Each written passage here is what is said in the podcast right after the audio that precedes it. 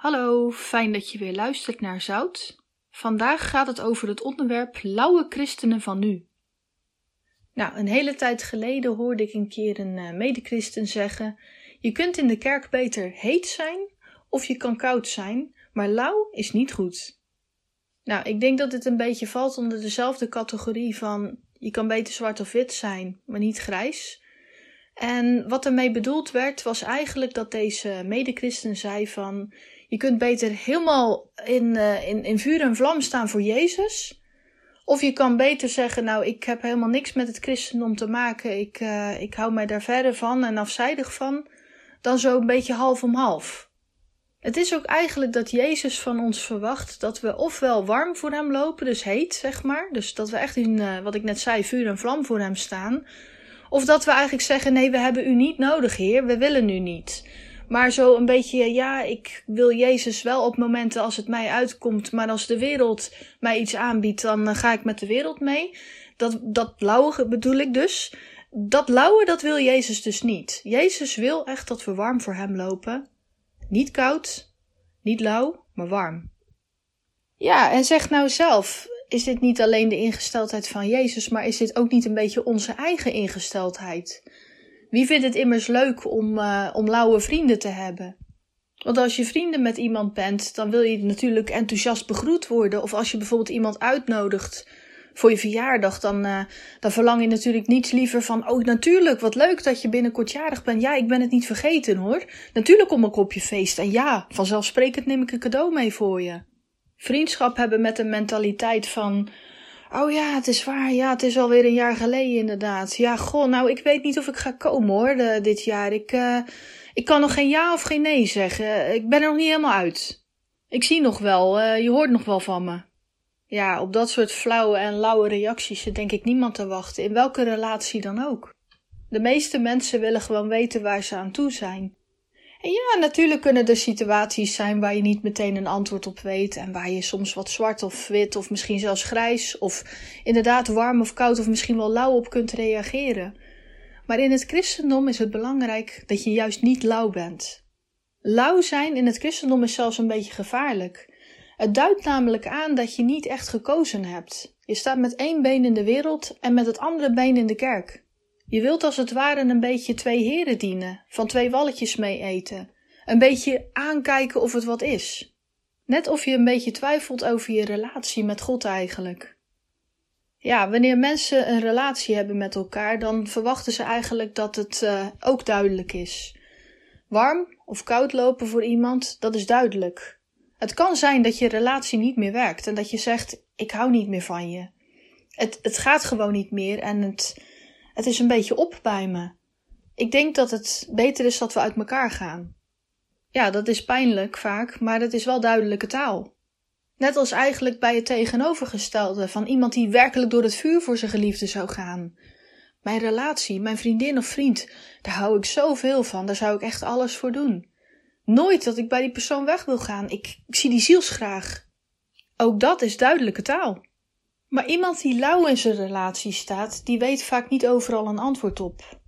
Die is vaak vaag, wazig, onduidelijk.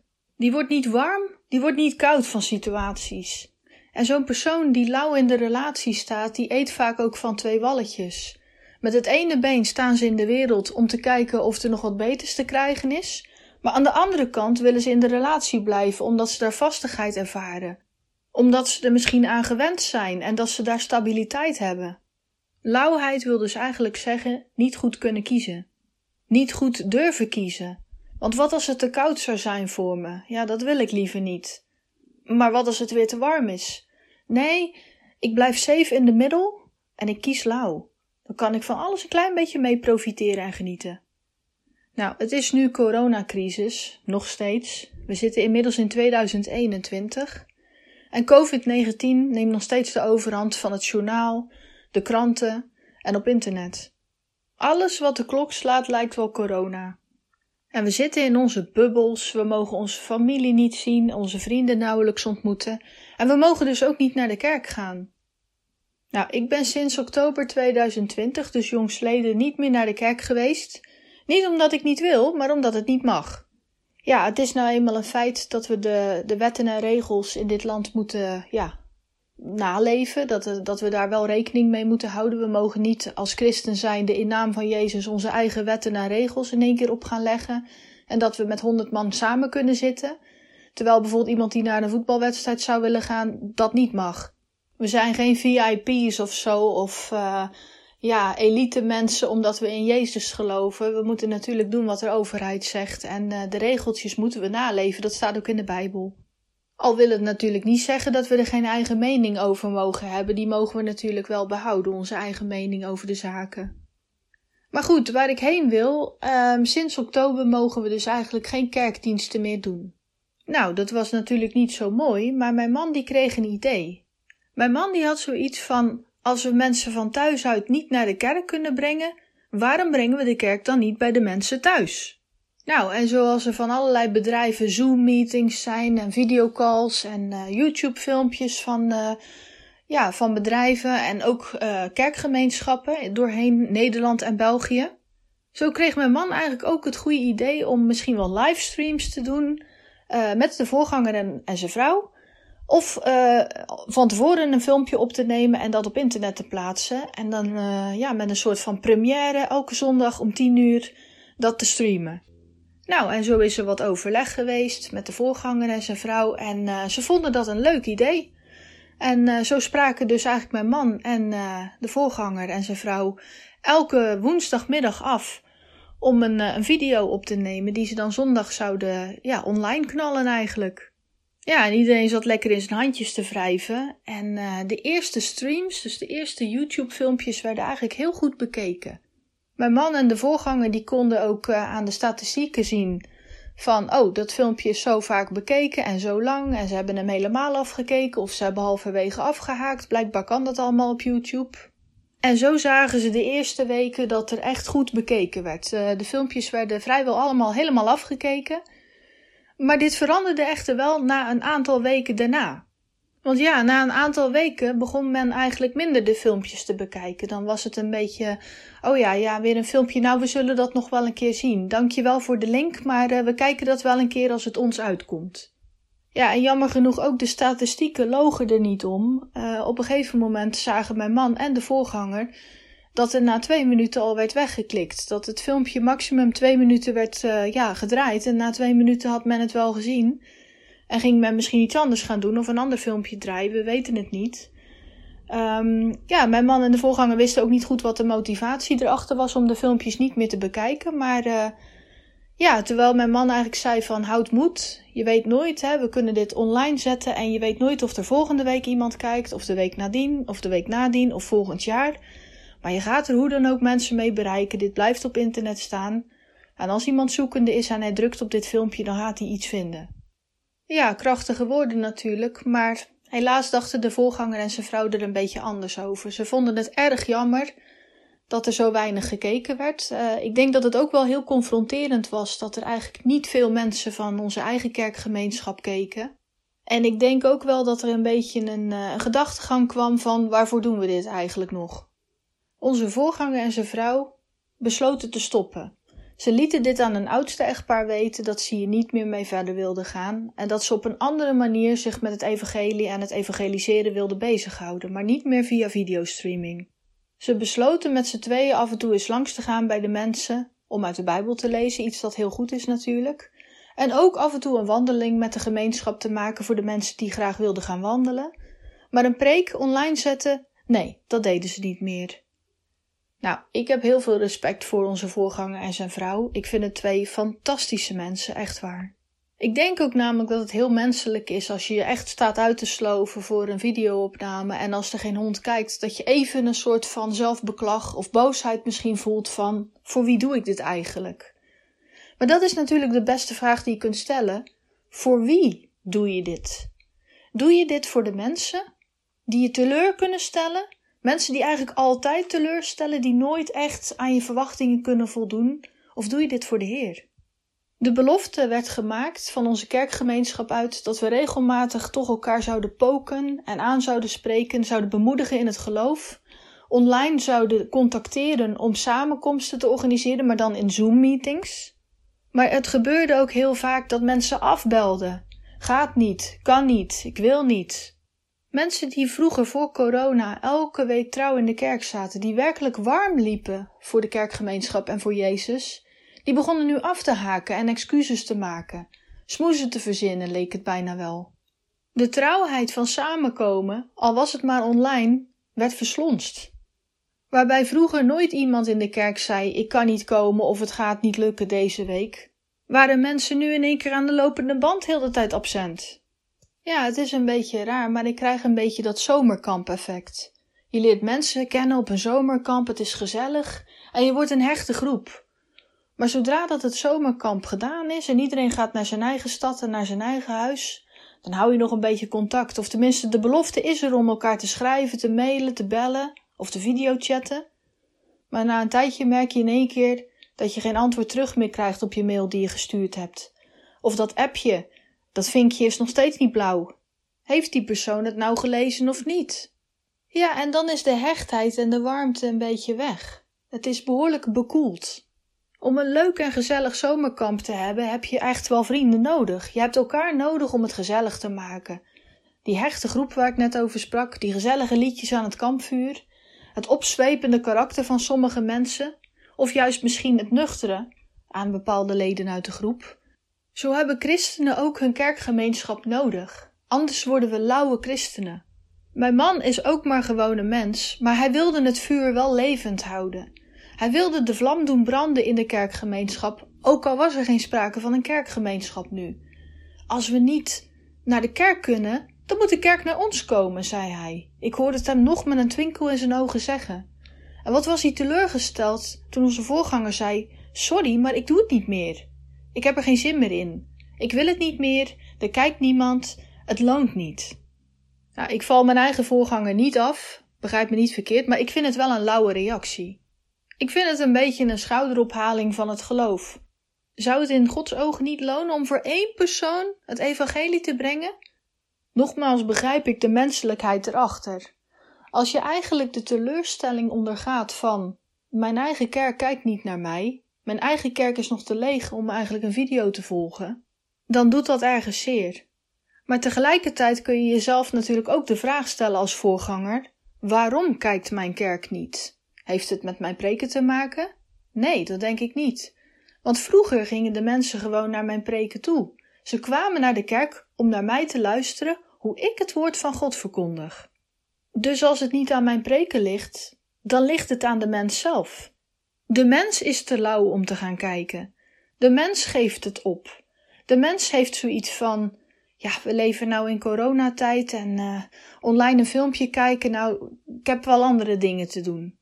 Misschien moet onze voorganger niet zijn schouders ophalen, maar zijn gekromde rug rechtzetten. Misschien is dit gewoon het signaal dat wij te lauw zijn als kerk. En dat we best eens wat meer warm mogen lopen voor het evangelie en voor Jezus. In de Bijbel kun je dingen lezen over bijvoorbeeld Paulus. Paulus die reisde veel. Hij legde ontelbare afstanden af om het evangelie bij de mensen te brengen. Maar niet alleen in het Nieuwe Testament, maar ook in het Oude Testament hoor je hoeveel mensen opgaven om hun geloof te beleiden. Men deed niet alleen aan bidden en vasten, maar men ging ook aan het werk voor de Heer. Zeven keer rond een stad lopen voordat de zon onder is. Dat soort dingen, dat doen mensen niet meer vandaag de dag. Gebedsroutes maken, symbolisch in de spirituele wereld kracht zetten achter dingen. Het wordt niet meer gedaan. Vandaag de dag zit men op bed of op een bankje te bidden met gevouwen handen. In een stil kamertje waar je de deur niet vooruit gaat. Het is rustig in huis, er is geen angst, geen dreigement. En laten ons bidden in stilte. En er is ook niks mis met bidden in stilte. Er staat zelfs in de Bijbel dat je in je binnenkamer moet gaan en in Gods heiligheid moet komen, dat je stil moet zijn voor Zijn aanwezigheid. Er staan talloze stukken in de Bijbel waar je gewoon rustig op je gemak kan bidden, waar je dingen kan vragen in alle rust aan God. Maar wat men vaak vergeet, is dat God niet alleen een, een sobere en eenvoudige God is die wil dat jij uh, ja, op je knietjes gaat voor je bed en je handjes vouwt en uh, ja, heel sereen gaat bidden. Maar God verwacht ook dat je aan het werk gaat voor Hem. Dat je terrein wint in Zijn naam. Als je kijkt naar allerlei religies, zoals uh, satanisme, natuurreligies, bijvoorbeeld hekserij, uh, winti, voodoo. Mensen gaan effectief rituelen uitvoeren in buurten. Mensen vervloeken bepaalde buurten. Mensen winnen eigenlijk spiritueel en geestelijk terrein. De duivel loopt soms zo vaak veel verder op ons, op ons als christenen ook, dat wij uh, veel te veel in ons eigen habitatje blijven. We blijven in ons eigen huis zitten, in stilte. En in de kerk komen we samen om te bidden. En ja, nu met corona komen we niet samen, maar gaan we wandelen samen. En dan zullen we het een keer over het weer hebben en over de kinderen en over de buurman. Uh, maar ondertussen, natuurlijk mag het gezellig zijn, maar er wordt niet meer spiritueel gebeden. Er worden geen gebedsroutes meer gemaakt. Er worden geen uh, zichtbare rituelen gedaan. En dan bedoel ik niet van dat we hocus pocus moeten gaan doen. Absoluut niet. We mogen geen opeiserige of claimende of manipulerende dingen doen, want dat is hekserij inderdaad. Maar als christenen gewoon een keer vroeg opstaan en samen een gebedswandeling maken, bijvoorbeeld in een prostitutiewijk. Samen een keer langdurig vasten om kracht achter ons gebed te zetten. Maar ook dat we symbolisch ook dingen verscheuren in Jezus' naam. Een tijd geleden had ik heel veel uh, eisen eigenlijk aan mijn man. En ik had heel veel wensen en uh, ja, dingen die ik graag gedaan zag. En ik wist dat ik eigenlijk die wensen en eisen wel op moest geven. Ik kan niet verwachten dat mijn man de, perfecte, uh, ja, de perfectie zelf is. Dat gaat niet. Dus ik moest eigenlijk die wens of die droom laten varen. Ik heb het dus opgeschreven wat ik eigenlijk verlangde van mijn man en ik heb het doorgescheurd. Het briefje waar het op stond scheurde ik door midden en ik liet ook zo eigenlijk aan de duivel zien, aan de kwade en aan kwade machten, ik geef het op, want ik geef het aan de Heer. Ik verscheur dit briefje in Jezus' naam, omdat de Heer met mijn man gaat werken. En niet ik. Ik ga niet proberen mijn man te overhalen om bepaalde dingen te doen die mij zo gezegd gelukkig zouden maken. En ook enige tijd geleden liep ik langs het bejaardenhuis waar ik ooit gewerkt had en ik liep op het, uh, op het zandpad eigenlijk, waar ik weet dat er heel veel oudere mensen met verdriet vaak zitten. Ook vanuit mijn uh, loopbaan toen wist ik dat er heel vaak oudjes daar zaten te huilen en neerslachtig waren. En steeds als ik over dat zandpad liep daar, langs het bejaardenhuis, dan voelde ik me niet goed. Ik merkte dat er een bolwerk zat van verdriet, van neerslachtigheid, van depressie, van uitzichtloosheid. En terwijl ik daar zo liep, dacht ik bij mezelf: Helaan, bid hiervoor. Neem deze plaats in, in Jezus' naam. En ik zeg nogmaals: Jezus is geen hocus pocus of manipulatiemiddel, maar als christen mag je wel het goede verspreiden. Iedereen heeft misschien wel eens meegemaakt dat hij in een huis komt of in een buurt loopt waarvan je denkt: Oeh, wat is het hier uh, akelig en guur, ik voel mij hier niet op mijn gemak. Het zijn vaak krachten die we niet kunnen zien. We hebben niet te maken met mensen, in de Bijbel staat: we hebben niet te maken met mensen, maar we hebben te maken met krachten en machten van het kwaad. Het klinkt raar maar waar, maar in sommige buurten wordt er meer gezondigd dan in andere buurten. In bepaalde straten rijden er meer politiewagens en ambulances dan in andere straten, omdat er vaak een bolwerk hangt van een bepaalde geest die er heerst. Ik had het dus net over een geest van neerslachtigheid bij dat bejaardenhuis. En ik zeg, ik begon te bidden en ik begon het pad letterlijk met mijn handen weg te vegen, alsof, het, alsof ik het openvouwde en de plaats maakte voor Jezus. Ik zeg, Jezus, u bent de Heer, u bent de heerlijkheid. Dit is uw straat, het is uw pad. En ik wil dat de mensen die hier komen, dat ze u ervaren, Heer. En ik voelde dat langzaam het kwaad begon te wijken. En niet één meter, niet twee meter, maar tientallen meters. Een hele hectare werd ingenomen door goedheid en genade van de Heer. En ikzelf, ik heb geen macht van mijzelf, ik heb geen kracht in mijzelf, maar door Hem heb ik kracht. Door Hem kan ik goedheid en Zijn woord verspreiden. En in de hoop dat mensen tot bekering komen natuurlijk. En ik weet dat een medezuster van onze kerkgemeenschap ook haar gebedsronde doet. Heel goed bezig, nogmaals. En dat inspireerde mij ook inderdaad om meer te doen met dit soort dingen. Meer te gaan bidden. Om meer naar buurten te gaan waarvan ik voel, hier worden veel mensen uh, neerslachtig. Of hier zijn veel mensen die zelfmoord gepleegd hebben. Of gewoon ergens waar ik ben dat ik voel, hé, hey, er is hier iets. Dan bid ik ervoor. En dan zet ik er kracht achter. En ook in tijden van COVID-19 mogen we ons geloof niet laten verslonzen. We mogen niet verflauwen. We mogen niet lauw worden. We zijn tot nu toe met onze kerkgemeenschap veel gaan wandelen, maar ook dat begint af te zwakken, merk ik. Er komen excuses. Ja, deze week gaan we niet wandelen, want het is te koud. Bepaalde Zoom-meetings gaan niet door, want mensen komen uit het werk en ze zijn moe. Bepaalde Bijbelstukjes worden niet meer gelezen, want we worden zo in beslag genomen door andere dingen die thuis gebeuren. Mensen, waar zijn we nou eigenlijk helemaal mee bezig? Dit is toch niet goed? Het is ook een enorm gemakzuchtigheid die overheerst in deze wereld de laatste tijd. Als je bijvoorbeeld kijkt naar het verhaal van Mozes, die uh, het volk Israël uit Egypte moest leiden. Dat was ook midden in de nacht dat ze moesten vertrekken. Ze moesten staande hun maaltijd nuttigen voordat ze van Farao zouden wegvluchten. Ze moesten hun jassen en tassen gereed houden om midden in de nacht van Egypte weg te vluchten, om van Farao weg te gaan. Nou, de Bijbel ligt er natuurlijk ook niet over dat het volk Israël niet het gemakkelijkste volk was. Hè. Er werd ook heel veel ja, gezeurd en geklaagd en gemiezemuist om van alles. Maar op dat moment klaagde er niemand. Het volk Israël ging bevrijd worden en niemand zei: Mozes, gek die je er bent, hoe haal je het in je hoofd om ons midden in de nacht uit, Egypte te bevrijden? Kun je dat niet uh, morgenochtend om acht uur doen? Je weet toch dat mijn kinderen s'nachts slapen? En ook het discipline en het vertrouwen dat de mensen toen in de tijden van de Bijbel hadden, dat vind je gewoon bijna niet meer. Men gelooft in de tijd van de Bijbel ook enorm in het spirituele, in het onzichtbare, in het geestelijke. Vandaag de dag gelooft men vooral in het wetenschappelijke. Ja, ook christenen. Ja, in de tijd van Jezus waren er ook dokters en uh, geneesheren.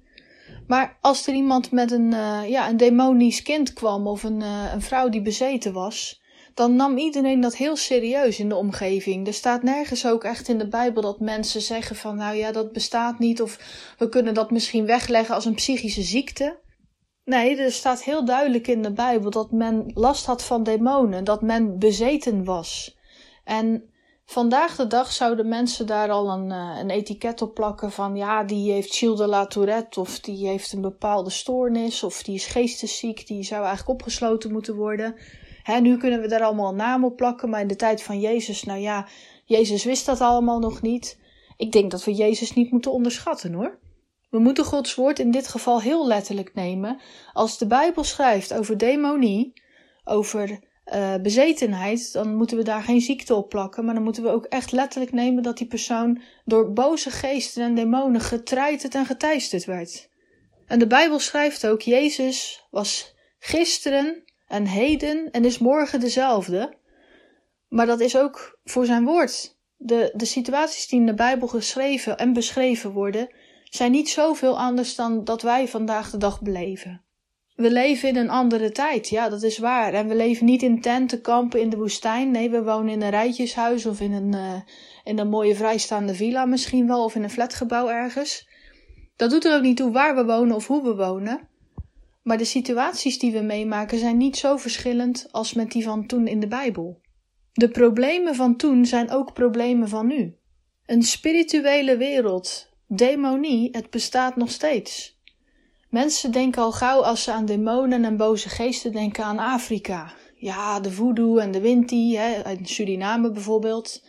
En de bakroe, de boze bosgeesten. Dat zijn allemaal volkeren en stammen die daar zich mee bezighouden.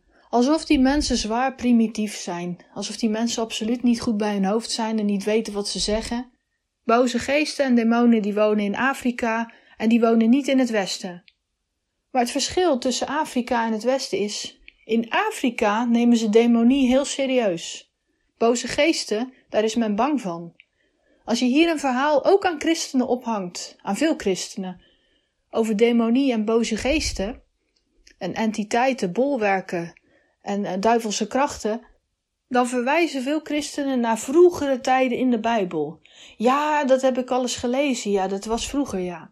Of inderdaad in Afrika, of inderdaad in Suriname maar dat er kwaadaardige bolwerken in je straat, misschien zelfs in je huis kunnen zitten, dat neemt niemand serieus bijna. Er zijn mensen die het serieus nemen, maar niet, lang niet iedereen. De Bijbel waarschuwt ook aan het gebrek aan kennis. Dat mensen een gebrek aan kennis hebben.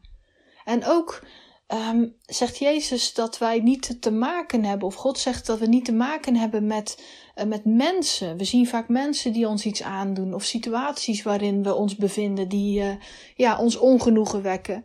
Maar we hebben heel veel meer te maken met de geest die erachter zit, met het kwade dat erachter zit. Wij westerse christenen zijn zo lauw dat wij eigenlijk achterlopen op dit vlak. Op dit gebied lopen wij achter.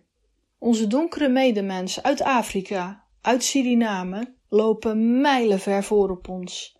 Zij weten heel goed dat er meer is dan dat wij kunnen zien. Er is een spirituele wereld voor hun actief. En zij geloven er heilig in. Zij geloven wat geesten, ofwel boze geesten, kunnen aanrichten. Zij weten hoe vernietigend een vloek kan zijn door het gewoon uit te spreken, door iemand te verwensen, door voodoo of winti te doen. Zij nemen geestelijk terrein in. En ook heksen maken vaak een kring. Zij maken een bolwerk waarin ze hun krachten bundelen. Of ze alleen zijn of samen met andere heksen in een coven bijvoorbeeld. Zij bundelen hun krachten om eigenlijk op dat moment de kring op te eisen voor zichzelf. Dat gebied is alleen van hen op dat moment. En wij als christenen, we kunnen met moeite vasten. Och, na een halve dag is er al honger. En overal ziet men in één keer taartjes en chocolade. Oh, ik ben blij dat ik morgen weer kan eten hoor. We lopen te jammeren dat we een dagje moeten vasten. Een dagje. Er zijn mensen die tien dagen aan één stuk vasten. En stil bidden op een kamertje. Met alle respect, fantastisch dat je dit doet. Maar zou je niet een keer naar buiten gaan om een keer voor je buren te bidden? Of een keer voor de school waar je kinderen naartoe gaan? Gewoon je hand uit te strekken richting de school terwijl je er op een meter vanaf staat en de school te zegenen in Jezus' naam. Je moet eens opletten wat dat kan doen. In veel religies gebruiken ze een zwaard om door de lucht te snijden. Ze snijden eigenlijk een soort van spirituele banden door. In de Wicca bijvoorbeeld, de hekserij waar ik het net over had, gebruiken ze een atame. Dat is een mes waarmee ze dus eigenlijk in de rituele, in de spirituele wereld iets doorsnijden. Ook bijvoorbeeld in de hekserij, waar ik veel van af weet, doen ze aan handfasting. Ze maken een gebaar om twee mensen aan elkaar te verbinden. En niet alleen in de hekserij, maar in allerlei andere ja, niet-christelijke religies wordt er vaak met symbolen gewerkt, met, met, uh, met krachtelementen, met, met rituelen, met uh, ja, een hoop uh, bewegingen ook. Men neemt terrein in. Men neemt een kamer in beslag. Men neemt een, bijvoorbeeld een stuk bos in beslag, bijvoorbeeld bij, bij hekserij. Maar ook bij andere um, geloofstromingen, bij dus bijvoorbeeld uh, niet-christelijke stromingen, maar bijvoorbeeld bij satanisme. Satanspriesters gaan soms infiltreren in kerken om daar ook gebied in te pakken.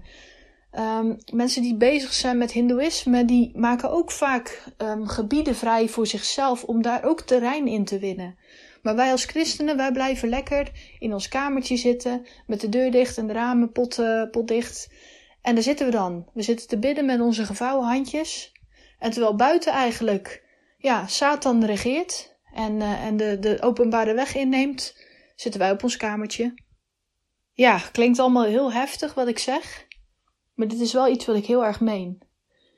Ik heb heel erg gemerkt dat er veel lauwe gemeentes zijn. Mensen die goh ja, het is even geen kerk, maar kom, we kunnen elkaar bemoedigen per e-mail en uh, we kunnen af en toe een keer een wandeling gaan maken. Dat is allemaal heel gezellig en leuk. Dat doen ze soms bij uh, sommige families of vriendengroepen doen ze dat ook. Maar wat wij vooral niet moeten vergeten is dat wij een heilige familie zijn. Wij zijn niet zomaar een familie. We zijn niet zomaar een kerkgemeenschap. Nee, we zijn Gods familie. Laten we dus ook ons terrein innemen als familie. Zeg als voorganger niet: ik stop ermee, want niemand kijkt naar mijn filmpjes. Ik ga geen online preken meer maken, want uh, er is geen hond die kijkt. Doe het niet voor jezelf.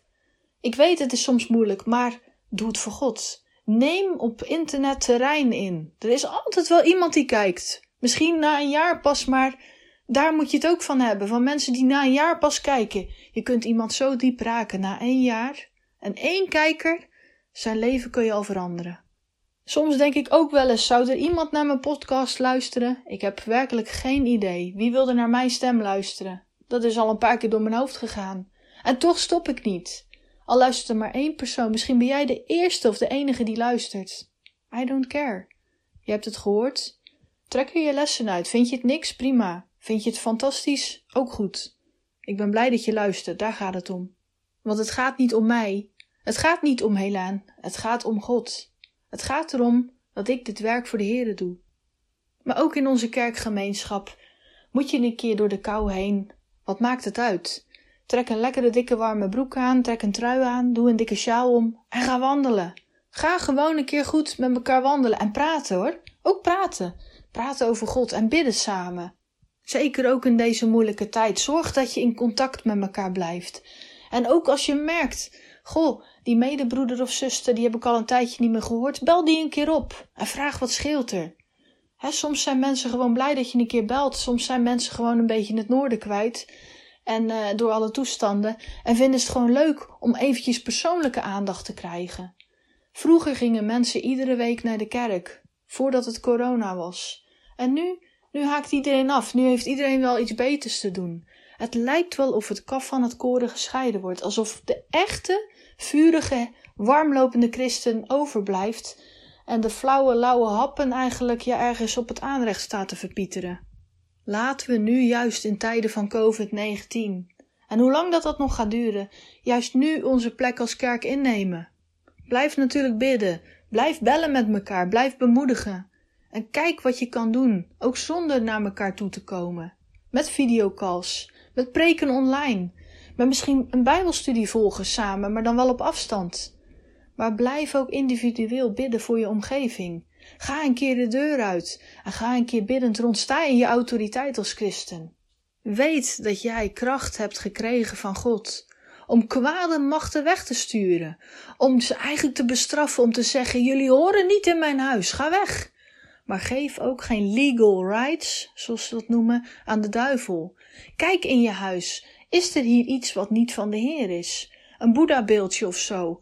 Of misschien een schilderij met uh, rare tekens op? Of misschien heb je wel ergens een yin-yang in huis liggen of iets van Oosterse culturen dat niet juist is. Hou je je misschien bezig met licht occulte zaken? Of kijk je misschien naar programma's die eigenlijk niet, uh, ja, niet zo goed voor je zijn, die eigenlijk ook niet uh, samen met Jezus op de bank gekeken kunnen worden? Ban ze vandaag nog uit je leven.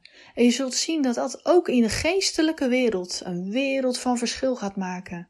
Eis je plek weer op als christen. Loop warm voor de Heer en maak ook een keuze. Denk vandaag bij jezelf: ben ik iemand die met één been in de wereld staat en met mijn andere been in de kerk? Vind ik de kerk eigenlijk niet zo interessant meer in tijden van corona? Heb ik mijn geloof een beetje op een lauw pitje gezet? Weet ik het allemaal niet zo goed meer? Stel jezelf die vraag: wie ben je? Bij iemand die misschien helemaal niet gelooft en uh, hoor je nu dingen waarvan je denkt: nou, die is echt gek wat hij allemaal zegt. Nou, Weet je, het maakt me niet uit of je me gek vindt hoor. Ik vind dat helemaal niet erg zelfs. Maar stel jezelf in ieder geval die vraag. Denk niet aan mij, maar denk aan jezelf. Doe het voor jezelf. Doe het om jezelf gelukkiger te maken. Gun jezelf een gelukkig leven. Maar ook als je die lauwe christen bent en je denkt: Goh, eigenlijk wat ze zegt, dat herken ik wel. Of ik herken het bij iemand die je ken. Blijf elkaar bemoedigen, maar bemoedig jezelf ook vooral. Als dit gaat over jou, Bemoedig jezelf dan ook.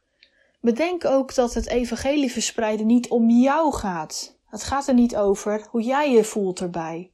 Natuurlijk moet je wel bepaalde, ja, gemakkelijkheid voelen om het te kunnen uiten. Je hoeft niet tegen je zin het evangelie te gaan brengen. Niemand vraagt of jij je gedwongen uh, met een schop onder je kont de straat op wil om te gaan flyeren voor Jezus. Niemand vraagt dat van je. Maar bedenk bij jezelf ben ik een lauwe christen of niet? Kijk alsjeblieft niet weg van de dingen die ik heb gezegd, want het is gaande. En het is niet omdat ik het zeg, maar het is omdat de Bijbel het zegt. God zegt tegen ons: we vechten niet tegen een mens, we vechten tegen machten van de duivel, krachten van de duivel. Vaak zien we een boze man voor ons die ons komt uitschelden en die ons helemaal ja, impact met zijn lelijke woorden en scheldtiriade. Maar we zien niet de boze geest erachter vaak. We zien ook niet als het ergens uh, niet goed aanvoelt in een omgeving of in een ruimte waar je bent. We zien niet dat er een slechte atmosfeer hangt.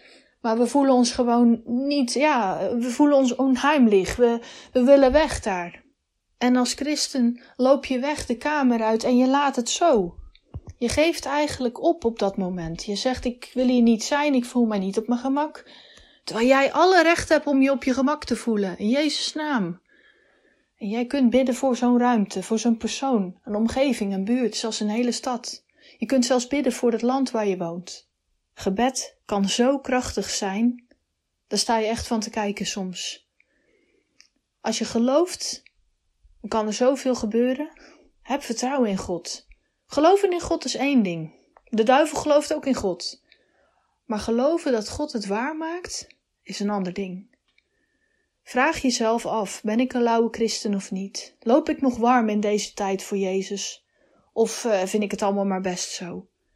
Stel jezelf die vraag en maak een keuze.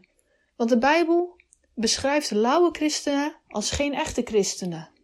Lauwe christenen staan niet sterk in hun geloof.